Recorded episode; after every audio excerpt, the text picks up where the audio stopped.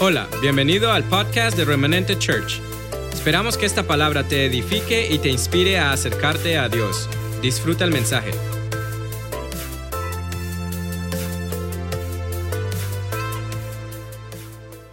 Dice Efesios 2.10, pues somos la obra maestra de Dios. Usted y yo somos la obra maestra de Dios. ¿Sabes que el mundo y la sociedad en la que vivimos tiene muchas obras maestras muy conocidas? Yo de hecho hice la tarea. Hay pintores, ahí está, el autorretrato de Vincent Van Gogh, cuesta millones de dólares. Está la Guernica de Pablo Picasso, millones de dólares. Está el autorretrato de Rembrandt Van Room. Mi esposa me estará ahorita mismo rascándose la cabeza porque ella se sabe todos estos nombres y yo no mucho. Pero de igual manera hay obras maestras de los escritores, de, lib- de libros que todos conocemos, la Iliada y la, y la Odisea de Homero.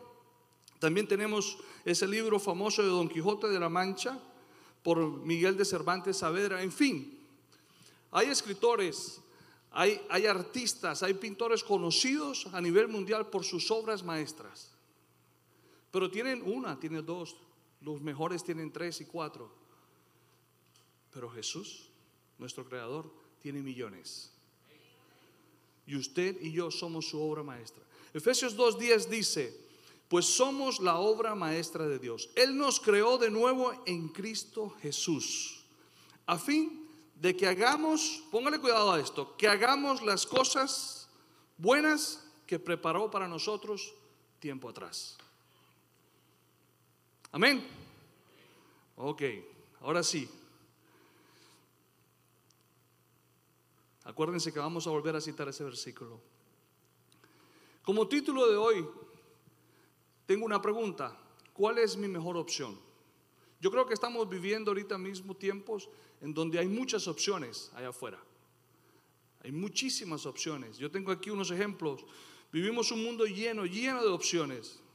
Yo creo que más hoy que nunca antes, porque estas redes sociales cada vez nos hacen más cerca y más conocedores de todo lo que nos rodea, no solamente en nuestra ciudad o en nuestro país, sino que en otras naciones también. Entonces hay muchas opciones allá afuera. Cada vez es más difícil decidir cuál es mi mejor opción. Cuando vamos a pintar una habitación en la casa, el hermano René sabrá de esto, yo le digo, lo quiero de color azul, Ronald también sabrá de esto y me dirán, de color azul, ¿cuál azul? Yo le digo, no, un azulito claro. Y me traen una paleta de colores que yo termino viendo grises y hasta verdes allí, de tantos azules que hay. Hay muchas opciones para escoger el color azul de una habitación. Cuando vamos a comprar jeans, no, los blue jeans, nos encontramos con bootcut, nos encontramos con down to the waist, con skinny fit, con loose fit, con slim fit, con este es nuevo para mí, se llama tapered fit, que significa ancho arriba y angosto abajo. Ok. Eh, hay uno que se llama relax fit, que son todos anchotes así, que caminan y el jean no se mueve, pero ellos están moviendo las piernas por dentro. Hay muchísimas opciones. Uno va a comprar un jean hoy en día y uno le pregunta a la persona, necesito comprarme un jean. Sí, ¿cuál quieres? Y le dicen todos estos nombres a uno y uno dice, no, un blue jean sencillo es todo lo que yo quiero. Oh, hay regular fit, sí. O straight fit, ya me están enseñando, ese no lo había encontrado. Cuando vamos a comprar zapatos, vamos a comprar zapatos, aquellos que les gustan los deportes extremos, que hacen skateboarding, ¿no? que manejan las patinetas, se encuentran con Vans, con Keds, con Converse, con Etnies, America, Legal, Globe International, Airwalk, DVS Shoes y muchos más. Supra, Element. Hay, un- hay una marca que se llama Zoo York, parece mentira, un zoológico de York, etcétera, etcétera. No, yo quiero son zapatos para correr. Zapatos de hacer ejercicio para correr. Oh, claro, sí, señor. Cualquiera. Tenemos Nike, Reebok, Adidas, New Balance, Asics, Brooks Sports, Skechers, Alta, Puma, Mizuno, Under Armour, Merrell, North Face, K-Swiss. Ah, yo solo quería zapatos blancos para correr. Pero hay tantas opciones que cada vez es más difícil escoger cuál es nuestra mejor opción. Pero si eso fuera poco, no sé si entrar en los bolsos de las mujeres. Gucci, Prada, Fendi, Michael Kors, Coach, Marc Jacobs, Kate Spade, Burberry, Givenchy, Banana Republic, demasiadas opciones. Pero como si eso fuera poco, desafortunadamente cuando vamos a decidir, vamos a las redes sociales y escogemos lo que la gran mayoría de personas está escogiendo hoy en día. Nos fijamos en personas para tomar la decisión de lo que nosotros queremos. Pero ¿qué dice la palabra acerca de esto? ¿Qué pasa si nosotros nos hacemos esta pregunta? ¿Cuál es mi mejor opción? Mi mejor opción. Y profundizamos un poquitico más en ella. ¿Qué pasa si nos vemos con esta pregunta ante un divorcio? ¿Cuál es mi mejor opción? Si pasa si nos sucede ante una bancarrota, una infidelidad de pareja, una mentira, con el desempleo, con una traición familiar, ¿cuál es mi mejor opción? ¿Qué hago yo ahora? Quizás estamos viviendo crisis como padres y no sabemos qué hacer y preguntamos, Señor, ¿cuál es mi mejor opción? Crisis empresarial, crisis emocional, depresión, ansiedad, angustia, duelo. ¿Cuál es mi mejor opción? Cuando nosotros venimos el domingo aquí en la mañana o, el miércoles que vamos a empezar a asistir, no se pierdan los miércoles, esto va a estar hermoso. Los sábados se está moviendo el Señor impresionantemente. Pero cuando nosotros venimos aquí a traer esta palabra, a traer el mensaje que el Señor ha depositado en nuestros corazones, el mensaje que el Señor nos ha confiado, la tarea más difícil para nosotros no solo es comunicarlo de una manera fácil, sencilla, simple y aplicable, sino pensar que lo más importante que puede pasar, pasarle a este lugar son ustedes, las vidas. Son los que están conectados. Son las personas a las que ustedes refieren. Es lo más importante. Son la obra maestra de Cristo. Somos la obra maestra de Jesús. Somos su obra maestra, somos lo más importante. Lo hablábamos un lunes aquí con el equipo con el que vamos a estar desarrollando los proyectos. Y decíamos, todo lo que hacemos lo hacemos por las vidas. Trabajamos por las vidas. Es nuestra carga, es nuestro deber, es nuestra responsabilidad, es nuestra obligación. Pero ese peso lo coloca el Señor en nuestros corazones para poder transmitir su mensaje. Entonces, cuando viene un mensaje como estos, yo pienso, Señor, ¿cómo hacemos para vivir ese evangelio que tú nos has enseñado? Porque aprendérnoslo ya lo hemos aprendido. El reto aquí, ¿cómo uso el mismo versículo que usé hace tres, cuatro, cinco semanas atrás y le doy sentido al mensaje que tú quieres? Ahí es donde yo me pongo a un lado y le pido al Señor que sea Él que obre a través de mi vida. Porque Él tiene un mensaje claro para cada uno de nosotros. Y Él quiere que lo atesoremos en nuestro corazón, pero por sobre todas las cosas, que lo podamos vivir que lo podamos vivir hoy en la tarde, pero que nos alcance a vivirlo hasta el martes en la noche y reforzarnos el miércoles en la noche. Que lo podamos vivir cuando estemos solos, que lo podamos vivir cuando estemos discutiendo con nuestra esposa, con nuestro esposo. Que lo podamos vivir cuando nuestros hijos no estén haciendo lo que, lo que a nosotros nos gustaría que hicieran. Que lo podamos vivir cuando estemos viviendo una crisis que podamos acordarnos de este Evangelio, no como ese versículo que tenemos grabado en nuestra mente y que no lo sabemos de memoria, sino como esa vivencia del Evangelio mismo y ponerlo por obra. Esa es la carga más grande, que podamos vivir este Evangelio. Necesitamos empezar a vivirlo. Ya lo hemos aprendido mucho, necesitamos vivirlo. ¿Qué nos habla la palabra? ¿Qué nos dice la palabra? ¿Qué nos dice el creador del universo? ¿Qué nos dice Jesús? ¿De cuál es nuestra mejor opción? Hablaba con mi esposa, me dijo ayer, por favor no me menciones, y ya la he mencionado tres veces en 15 minutos. Es difícil no mencionarla. Pero hablaba con ella, meditábamos en la palabra, y ella me decía, papi, el pueblo, como pueblo hemos perdido el fervor de leer la palabra de escuchar la palabra, de meditar en la palabra. Yo le dije, explícame un poquito, ¿por qué dices eso? Me dice, porque se nos olvida que Jesús es la palabra. se nos olvida que cuando leemos la palabra es como si Él nos estuviera hablando al oído. Y hemos perdido ese amor, ese fervor de coger la palabra, abrirla y esperar qué te quiere decir el Señor. ¿Cuántos de nosotros se nos ha olvidado hacer eso? Queremos encontrar en la palabra, buscamos en la Biblia como quien busca en un mapa una dirección. Y encontramos la dirección que, que queremos, la leemos, pensamos un poquito en ella y punto y cerramos la Biblia y la guardamos. Pero queda ese fervor de escuchar la voz de Dios a través de la palabra. Se ha perdido. Lo hemos, nos hemos vuelto muy prácticos. Nos hemos vuelto muy copy and paste. Copio aquí y pego aquí. Si analizamos un poquito la palabra, yo quiero ir a Colosenses, se los voy a leer, yo se los voy a leer. Colosenses 1, del 15 y el 17, el que esté tomando notas, por favor, escríbalo y léalo en su casa. ¿Quién es Cristo? ¿Quién es la palabra? Cristo es la imagen visible del Dios invisible. Él ya existía antes de que las cosas fueran creadas y es supremo sobre toda creación.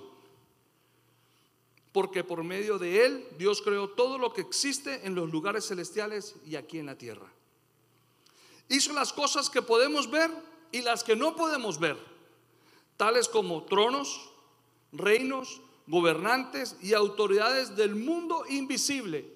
O sea que de todo eso hay en el mundo visible, pero en el mundo invisible, las que nosotros no vemos, Él también las hizo. Todo fue creado por medio de Él y para Él. Él ya existía antes de todas las cosas y mantiene unida toda la creación. ¡Wow! Ese es Cristo. Esa es la palabra. Eso es lo que nosotros debemos pensar cuando vamos a abrir la Biblia y vamos a meditar en ella. ¿A quién vamos a escuchar? Al creador del universo. ¿A quién vamos a escuchar? Aquel que sostiene todo con el poder de su palabra, aquel que lo tiene todo bajo su cuidado, aquel que creó todo lo visible y lo invisible. Si analizamos eso, créame que no vamos a leer la Biblia o la palabra como la leíamos antes, porque vamos a abrir esa palabra con toda la intención de escuchar qué quiere decirnos Cristo en esta mañana. ¿Qué quiere decirnos Cristo en esta noche? ¿Qué quiere decirme Cristo en este día? Habiendo hecho eso, ante la pregunta, ¿cuál es mi mejor opción? No sé qué situaciones estamos viviendo aquí en casa. No sé qué circunstancias estamos enfrentando, no las sé. Yo sé las mías y no se las comparto porque no terminaría de predicar hoy. Pero sé que todos traemos situaciones, circunstancias, problemas, dificultades, unas más cargosas que otras, unas más difíciles que otras. Pero si traemos esta pregunta al Señor ante estas circunstancias y le decimos, Señor, ¿cuál es mi mejor opción? ¿Qué nos diría el Señor? ¿Qué nos diría Jesús? ¿Qué nos diría el Creador del mundo? Mateo 11, 28 dice, luego dijo Jesús, luego dijo Cristo, vengan a mí todos los que están cansados y llevan cargas pesadas. Hoy debemos ir a Él. Hoy debemos buscarlo a Él. Haga memoria de esa carga que usted lleva en su corazón. Haga memoria de esa carga que lo agobia, que drena su energía. Haga memoria de esa injusticia que usted está viviendo. Haga memoria de esa circunstancia que lo lleva a deprimirse, que lo lleva a la ansiedad, que te lleva a la falta de perdón. Yo te animo, los que están conectados, te animo que lo hagas. Y que escuches lo que dice Jesús. Vengan a mí todos los que están cansados y llevan cargas pesadas, y yo les daré descanso. En Él hay descanso. ¿Cuántos pueden decir amén? ¿Cuántos en el chat me pueden escribir amén? Yo los estoy mirando aquí. En Él hay descanso. Dice, pónganse mi yugo. Me gusta esta parte. La tengo resaltada aquí en mis notas porque dice, déjenme enseñarles. Él nos quiere enseñar. La Reina Valera dice, aprended de mí. La nueva traducción viviente dice, déjenme enseñarles, o sea, déjenme, déjenme enseñarles. Sabe que cuando estaba allí en medio de las alabanzas, vino una carga en mi corazón tremenda. Yo le explicaba, le preguntaba al Señor, Señor, ¿qué es esto? ¿Qué es esta carga? Y el Señor me decía, mi corazón está cargado. Cargado porque mi pueblo está agobiado, cargado porque mi pueblo está angustiado, cargado porque mi pueblo no me ha escuchado y no es tan difícil. Cargado porque les quiero enseñar, porque les he dicho que aprendan de mí, pero no ponen sus ojos en mí primeramente sino que corremos a mirar las redes sociales y qué están haciendo los demás para nosotros imitarlos. ¿Qué están haciendo los grandes influenciadores allá afuera?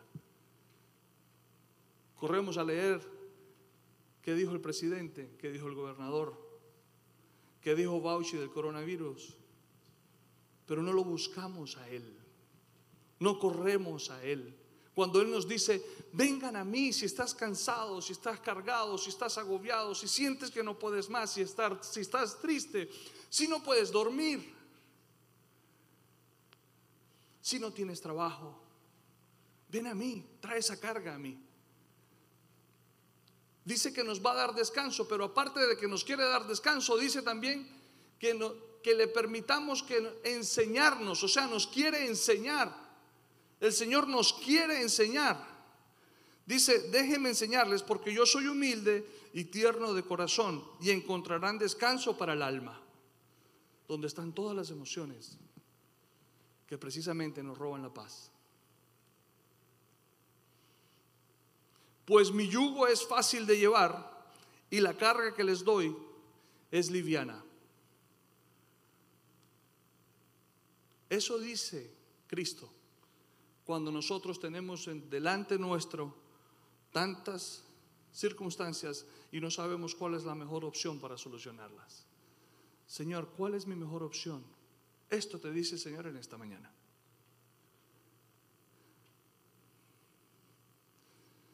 La reina Valera, como decía, dice, aprended de mí. ¿Qué quiere decir aprended de mí? Que cuando Él estuvo aquí en la tierra y cuando Él se mueve en medio de nosotros, Él nos modela el cómo hacerlo.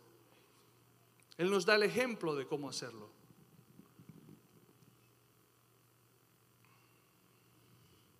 Para mí está muy claro, muy claro que nuestra mejor opción es la humildad. Es la mejor opción que tenemos. Es la humildad. ¿Qué es lo contrario de la humildad? El orgullo, la prepotencia, la altivez, el yo lo sé todo. O el yo lo sé aunque no lo sepa todo, pero no quiero que me digan. La mejor opción que tenemos nosotros, la obra maestra de Dios, es la humildad. A humble heart is the best option we have. There is no better option. No existe. Ante cualquier circunstancia que estemos viviendo, la mejor opción es la humildad.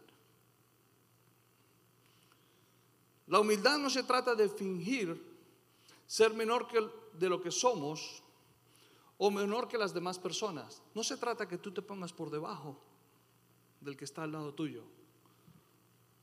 No se trata de que seas menos. Se trata de darnos cuenta que no somos tan poderosos como pensamos cuando entendemos quiénes somos, porque nos pasa. Cuando sabemos que somos la obra maestra del Señor, entonces ya nos creemos que somos la última manzana del árbol, ¿verdad? Por no decir la última Coca-Cola del desierto. Pero se trata de entender que no somos tan poderosos hasta ese punto.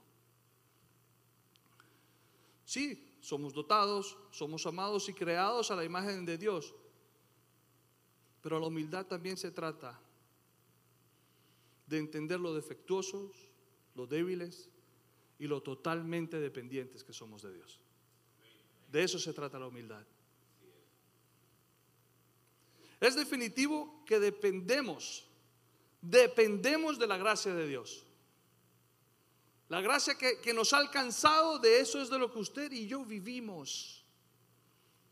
La gracia de Jesús sobre nosotros, la gracia de Dios sobre nosotros a través de Jesús es la misericordia de Dios que es inmedible. La gracia sobre nuestras vidas es lo que nos tiene a nosotros aquí reunidos. Quiero que te diga algo, te voy a decir algo que no está en mis notas. En esta nación, y quizás en muchas otras naciones, vivimos algo que se llama comodidad y en algunos casos se llama conformismo. Vivimos en un sistema en donde lo hemos dicho antes, trabajamos y con mucha disciplina logramos muchas cosas. Y confundimos eso con la bendición. Y creemos en la comodidad de pensar que somos hijos de Dios porque hemos confesado a Cristo y porque vivimos una vida cómoda en comparación a la vida que vivíamos en nuestros países o en comparación a la vida que tuvieron nuestros padres, entonces caemos en la comodidad y perdemos la humildad. En otros casos, caemos en el conformismo. ¿Por qué? Porque comparamos también. Nos comparamos con otros, nos comparamos con familiares, nos comparamos con la vida que nuestros padres vivieron y nos damos cuenta que estamos bien y creemos que ya lo logramos. Y cuando tú crees que ya llegaste a donde tenías que llegar, entonces pierdes la humildad porque inmediatamente dejas de aprender, porque crees que todo lo sabes y no necesitas más. Entonces caes en conformismo. Este sistema, y ahorita mismo a nivel mundial se está viviendo eso, comodidad y conformismo. Y no nos damos cuenta que nos roba mucha humildad. No hay nada que nosotros podamos hacer por nuestros propios medios o logros para conquistar esta vida. Nada. En nuestras propias fuerzas, nada. ¿Qué podemos esperar? ¿Qué podemos esperar cuando decidimos presentarnos con un corazón humilde delante del Señor? La palabra lo dice, Jesús lo dice, la palabra lo dice. En Proverbios 3:34 dice que el Señor se burla de los burlones, pero muestra su bondad a los humildes. Hay una versión que dice que el Señor se opone a los orgullosos, pero da gracia a los humildes. Cuando presentamos un corazón humilde delante del Señor, encontramos gracia encontramos bondad, encontramos favor. Y vaya que necesitamos de eso. Amén.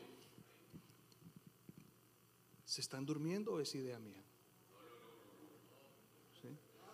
Yo miro aquí mi termómetro que me hace señas enseguida como coach de béisbol, ¿no? Se agarra la nariz y todo y me, me indica cómo está la cosa. No se me duerman, por favor. La primera cosa que Jesús nos señala cuando nos invita a aprender de Él, en ese versículo que leímos ahorita, es la actitud de su corazón. Dice, soy manso y humilde de corazón. Cuando Él dice, quiero, permítame enseñarles. Cuando Él dice, déjenme enseñarles. Cuando Él dice, aprended de mí. Inmediatamente después de que Él dice eso, dice, yo soy manso y humilde de corazón. Eso es lo que nos quiere enseñar.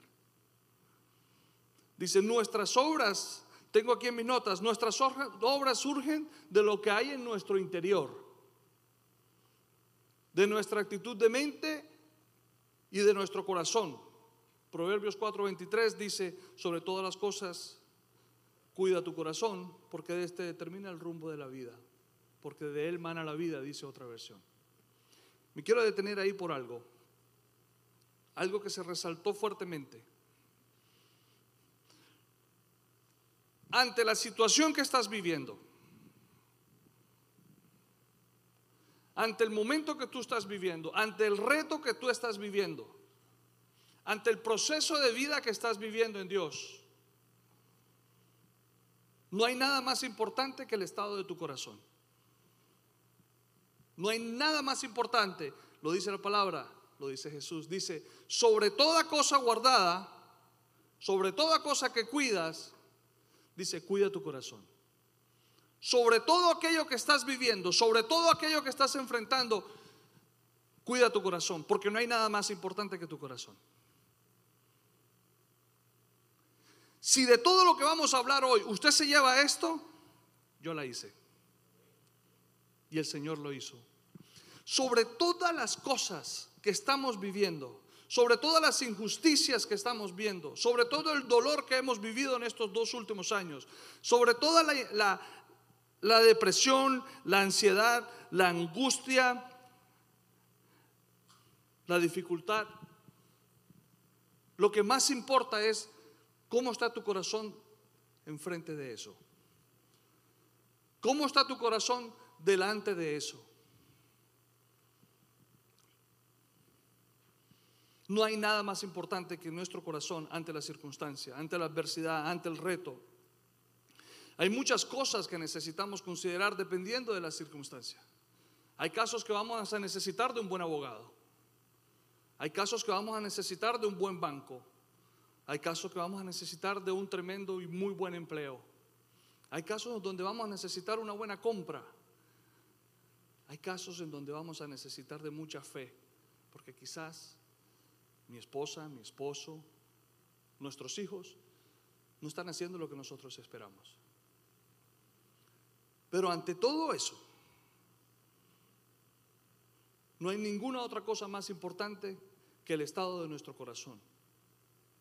Si nos detenemos allí y hacemos el esfuerzo y quiero que lo haga conmigo, ahí donde usted sentado, esté sentado y usted se está conectado ahí. Quiero que se detenga ahí y haga memoria de esa circunstancia que le molesta, que le incomoda. Y haga el esfuerzo, por favor. Y analice de cómo está su corazón primeramente ante eso. Les aseguro una cosa, que de la mano y la dirección de Dios vamos a tomar la decisión más acertada.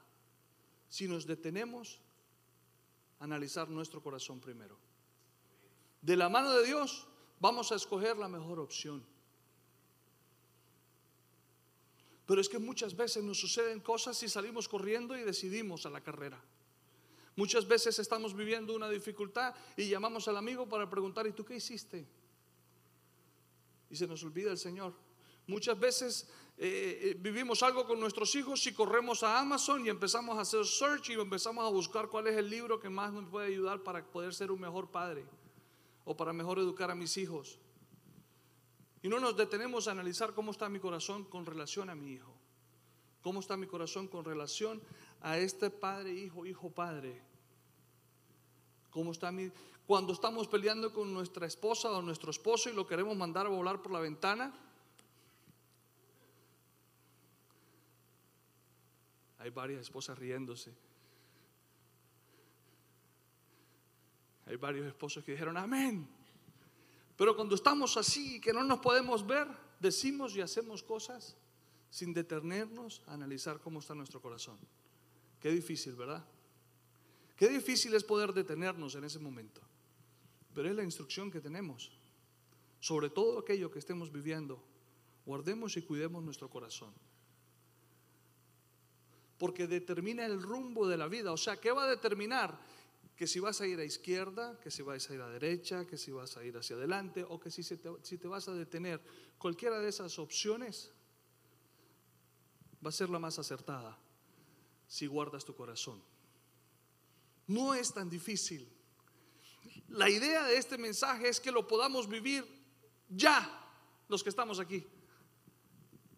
La idea de este mensaje es que lo podamos poner en práctica hoy. Hay personas aquí que están, todavía estamos anclados en ciertas áreas de nuestra vida en el pasado, con cosas que nos sucedieron. Yo te quiero decir algo que le dije a un amigo mío. Eso que está atrás es un espejismo. Ya no existe. Ya no lo vas, ya, por más que tú quieras verlo, no lo vas a poder volver a ver. Y no puedes dejar que el pasado determine lo que Dios ha dicho de ti. No puedes darle tanto poder a algo que te ha hecho tanto daño. No puedes dejar que, ese espejismo me dice, le, me dice le, pregunté a mi amigo, ¿qué extrañas? Y me dice, extraño esto y extraño esto y extraño aquello. Y yo le dije, pero quiero, quiero ayudarte con algo que quizás a mí no me ayudaron pero que yo lo viví y por la experiencia vivida te lo quiero compartir. Después de tanto tiempo que yo me vine de Colombia y volví buscando eso que extrañaba me encontré que eso ya no existía. Ni los amigos, ni la iglesia, ni los sobrinos que dejé, porque dejé sobrinos así cuando llegué estaban más altos que yo.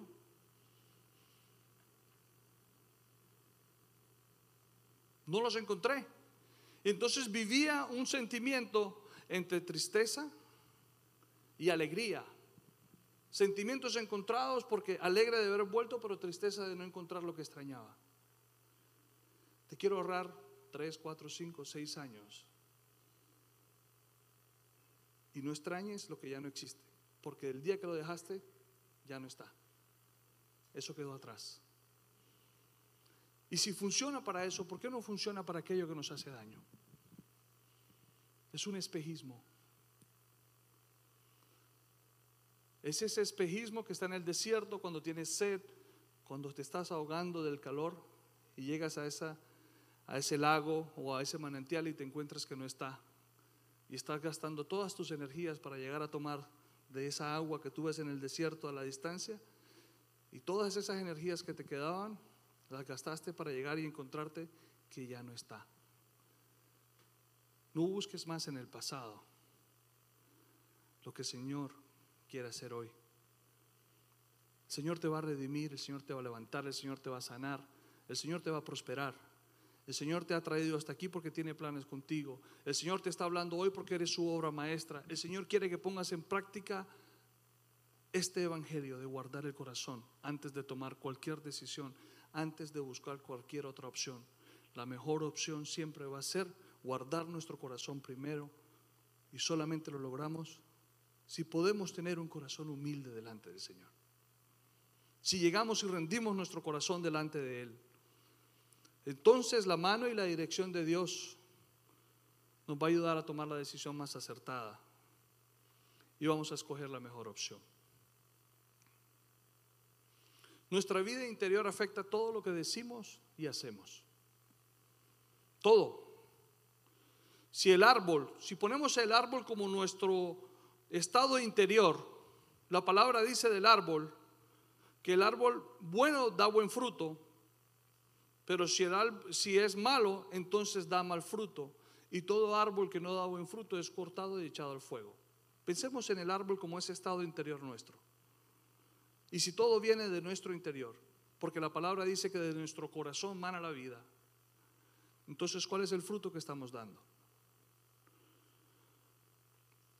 En Mateo 17 dice, así todo buen árbol da buenos frutos, pero el árbol malo da, frutos malos. No puede el buen árbol dar malos frutos, ni el árbol malo dar buenos frutos. Esto parece un trabalenguas. Todo árbol que no da buen fruto es cortado y echado en el fuego, así que por sus frutos los conoceréis.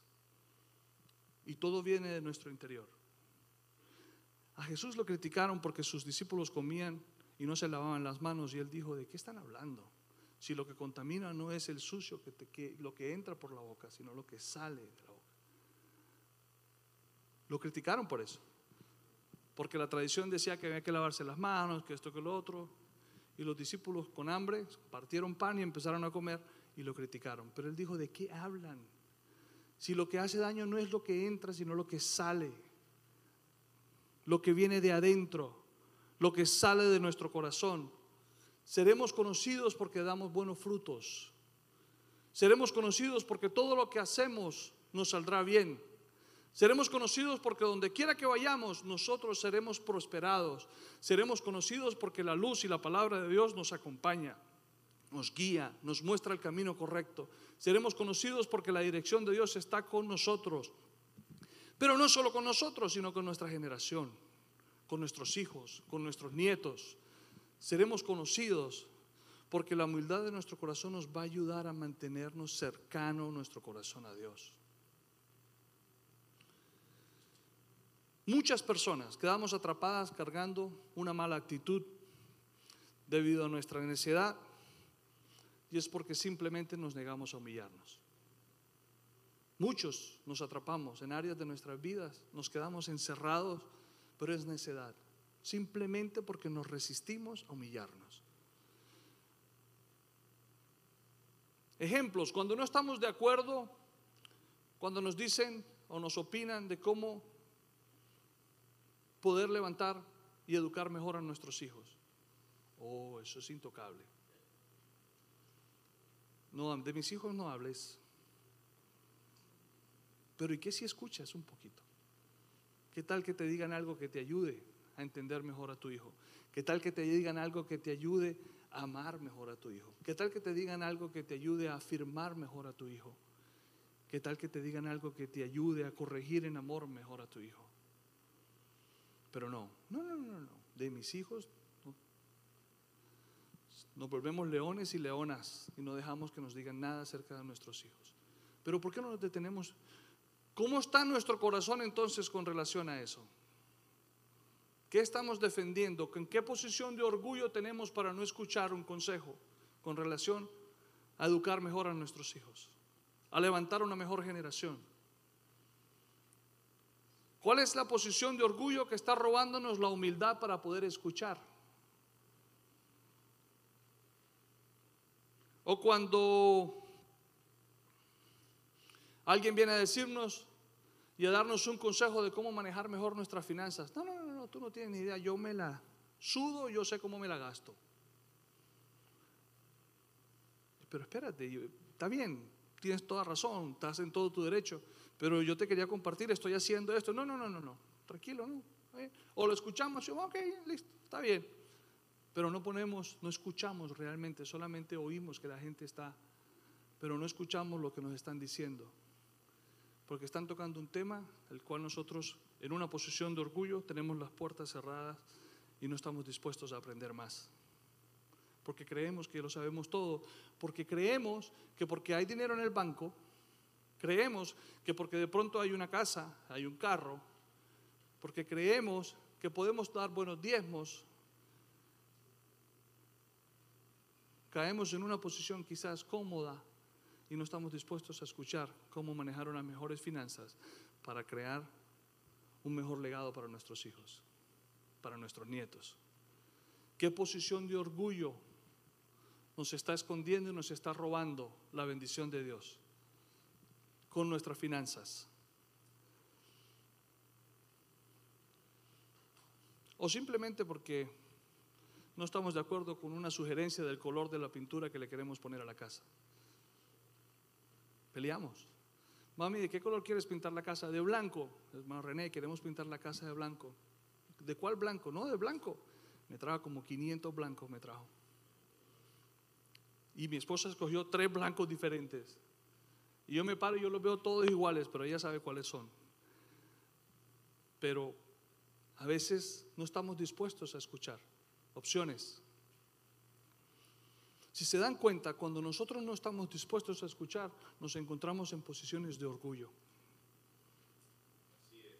Posiciones de orgullo que nos roban la bendición de Dios. El destino para aquellas personas que deciden tomar una, vivir una vida en orgullo o toman una decisión o toman una actitud orgullosa es muy parecido al naufragio en la fe de un cristiano. Se pierden en el océano. Y quieren vivir en fe y en fe y en fe y no se han dado cuenta que no han guardado su corazón, que no han traído un corazón humilde delante de Dios y naufragian en la fe. Cuando no aprendemos o no nos disponemos a trabajar junto con otros en un espíritu de humildad y mansedumbre, las demandas de la carne se levantan y el corazón se endurece. Y hay que tener cuidado. Porque todo lo que nosotros vivimos y todo lo que nosotros aprendemos es para el servicio de aquellos de los que nos necesitan. Todo lo que usted está viviendo en su vida hoy en día es para el beneficio de las vidas de, de aquellos que los rodean a ustedes. Hay personas en la vida que todavía nosotros no hemos conocido y que hemos aprendido algo y que estamos aprendiendo algo que le va a servir a esa persona. Se trata de eso. No se trata solamente de mí y de mi, mi, mi, mi y de yo, yo, yo, yo, sino de aquellos que vamos a conocer que no hemos conocido aún, de aquellos que ya conocemos. Pero hay detalles que hemos vivido que nos van a ayudar a nosotros y que también van a poder ayudar a otros. Pero solamente si derribamos esas posiciones de orgullo y presentamos un corazón humilde y estamos dispuestos a aprender. ¿Tú sabes que la humildad te mantiene joven? ¿Y por qué se rieron? ¿Quién se rió? ¿Tú sabes que la humildad te mantiene joven? La humildad te mantiene up to date, como se dice en inglés. Te mantiene vigente. Porque un corazón humilde está dispuesto a aprender siempre. No solamente de, los, de las personas mayores en edad, sino aún de los niños. No solamente de aquellos a quienes conocemos y son muy cercanos, sino aún de los extraños. Y cuando tú eres una persona que constantemente está aprendiendo, eres una persona que está vigente. You're up to date. When you have a humble heart, you're up to date. Estás, estás ahí, vigente, joven. Tú sabes que cuando tú aprendes algo, tu rostro cambia. Tú sabes que cuando tú te... A mí me pasa. Yo me he encontrado frente a la computadora que no sé usar un programa y cuando lo logro descifrar y veo tutoriales y lo puedo hacer y ya lo puedo... la sonrisa en mi rostro es inevitable. Yo me alegro. Es inevitable. Yo puedo estar solo yo me estoy sonriendo. Pero es, es una alegría y es un gozo que te mantiene joven y vigente. Pero eso es cuando tienes un corazón humilde. Y estás dispuesto a aprender. No podemos caer en esos dichos clichés que dicen, no, yo estoy viejo, esto es para los jóvenes. No. Si estás aquí presente, Dios no ha terminado contigo. Si estás aquí presente, Dios tiene planes contigo. Si estás aquí presente es porque Dios te quiere llevar a mejores cosas. Vas a ser retado, vamos a ser retados, pero qué rico que seamos retados, qué rico que seamos incomodados, qué rico que patiemos el conformismo de nuestras vidas para poder presentarnos delante de Dios con un corazón humilde que nos levante, que nos proyecte, que nos restaure, que nos lleve a aprender que nos disponga, que disponga nuestro ser y que le podamos modelar a nuestra esposa, a nuestros hijos, a nuestros nietos, a nuestros amigos, la importancia de un corazón humilde que se mantiene conectado con la mano de Dios para avanzar día a día, para crecer día a día. Sorprenda a su esposa con un otro idioma, a ver si es capaz. Dígale una frase en francés que jamás se le ha dicho. Así sea, páseme la toalla, por favor. Pero sorpréndala y usted verá cómo le roba una sonrisa. Sorprenda a su hijo cuando usted le enseñe de, un programa en computación que jamás él ha visto y que usted se lo enseñe cómo practicarlo. Por favor, incomódese. No haga lo mismo todos los días, levantarse, sentarse en el mueble, tomarse un café, salir a manejar y poner la radio. Haga algo diferente. Presente un corazón humilde delante del Señor y déjese retar, déjese incomodar. Crezcamos de la mano de Dios. ¿Por qué no nos sorprendemos un poquito nosotros mismos? Si nos incomodamos y les propongo que el próximo domingo cada uno de los que estemos aquí traigamos un invitado. Ay, no, a mí me da pena ir a hablar del 7 que me da pena ir a hablar del 7-Eleven. ¿Quién te dijo que vaya al 7-Eleven? Puede ser en un supermercado, puede ser en el trabajo, puede ser un familiar, puede ser el vecino. Les reto, y, y, me reto a mí mismo a traer un invitado el próximo domingo. Traigamos un invitado el próximo domingo y les aseguro que vamos a llenar todas estas sillas. Y les aseguro que el Señor va a orar. Les aseguro que se van a sorprender. Les aseguro que el bienestar que da nuestras vidas de hacer el bien a otros es mucho mejor que recibir. Dice la palabra que es mejor don, dar que recibir. ¿De qué nos sirve estar aquí sentados escuchando este mensaje y pensando, ay, si hubiese venido mi hermana? Este mensaje era para ella. Pero le voy a mandar el podcast. ¿Y por qué no la invitamos? ¿De qué me sirve venir aquí y pensar en el vecino o pensar en el compañero de trabajo, si lo podemos invitar, ¿por qué no? Demos por gracia lo que por gracia hemos recibido. Quiero cerrar. Quiero que por favor me acompañen. Siempre lo hago. Les pido que se pongan de pie. Porque ya vamos a cerrar. Quiero leer la palabra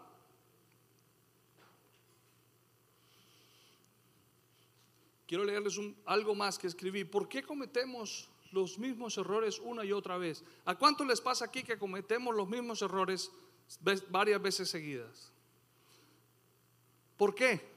¿Por qué cometemos esos errores una y otra vez? Ay, yo dije que yo no iba a gastarme el dinero así, otra vez me lo gasté así. Ay, yo dije que yo no iba a volver a usar esa palabra y ahí está, la usé. Otro ticket, yo dije que yo no iba a manejar más rápido. Ya llevo dos tickets en un año, tres tickets en un mes de velocidad. Ay, yo dije que no, yo no me volví a meter por el toll road y aquí estoy otra vez por el toll road.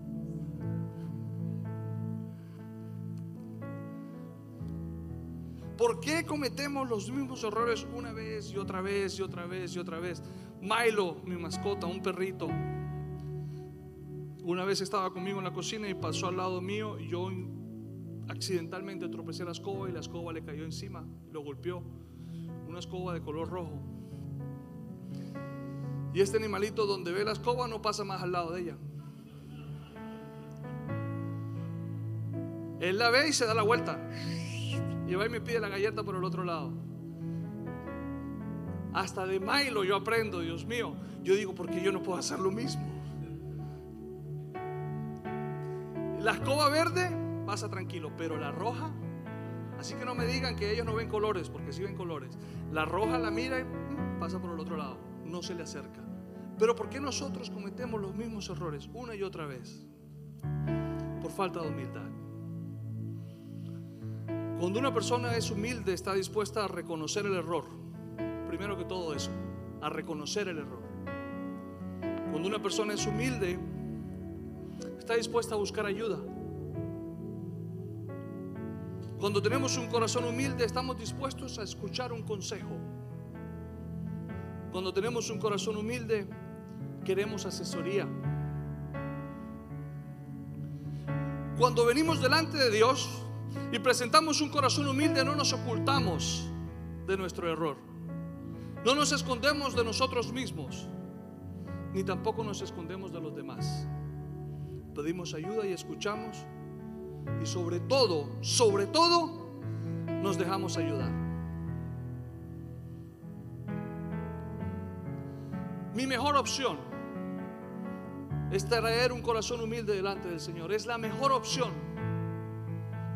mi mejor opción ante cualquier circunstancia es guardar mi corazón primeramente, analizar cómo está mi corazón delante de este problema.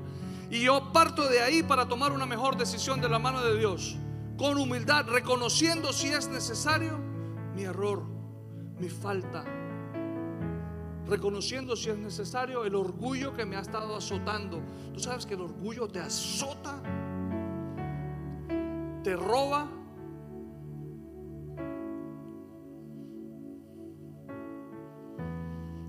Y ahora una palabra para ustedes, los ancianos de, la de las iglesias.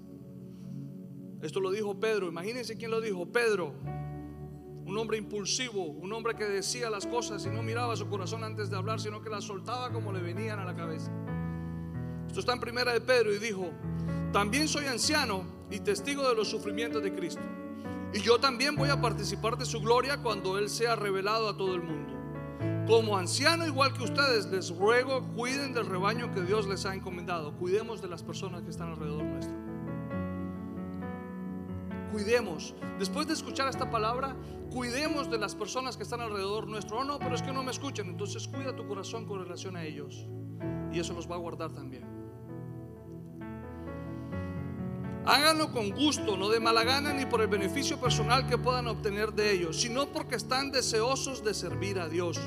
No abusen de la autoridad que tienen sobre los que están a su cargo, sino guíenlos con un buen ejemplo. Guíenlos con un buen ejemplo. Es el mejor testimonio, es la mejor prédica, el ejemplo que podemos dar de vida allá afuera. Así, cuando venga el gran pastor, recibirán una corona de gloria y honor eternos. Del mismo modo, ustedes, los más jóvenes, jóvenes, tienen que aceptar la autoridad de los ancianos. Esta parte me gusta. Y todos, todos quienes, ancianos y jóvenes. Todos, todos, everybody in the house. todos los que estamos aquí y los que están conectados, every single one that's here, cada uno de los que estamos aquí, todos, dice, y todos, vístanse con humildad. En su trato los unos con los otros. ¿Por qué? Porque Dios se opone a los orgullosos. Te aseguro que tú no quieres que Dios se oponga a tu vida, ni al plan que Él tiene contigo. Te aseguro que no queremos que Dios se oponga a nuestra generación. Derribemos toda semilla de orgullo en nuestro corazón en esta mañana. Porque Dios se opone a los orgullosos, pero da gracia a los humildes. Pongan todas sus preocupaciones y ansiedades en las manos de Dios, porque Él cuida de ustedes. La verdadera humildad y el temor del Señor conducen a riquezas, honor y una larga vida. Tengo un amigo aquí que me mandó ese, me mandó, me mandó ese versículo. Le dije que me ministraba tremendamente. Ahí donde está, por favor, levante sus manos. Yo quiero orar por ustedes, quiero orar por mi vida, quiero orar por cada uno de los que estamos aquí presentes. Quiero orar por ti que estás conectado. Quiero orar por ti que estás escuchando. Quiero orar por ti que vas a escuchar esto en los próximos días. Esperamos que este mensaje haya sido de bendición. No te olvides de suscribirte a nuestro podcast y seguirnos en Facebook e Instagram arroba remanente.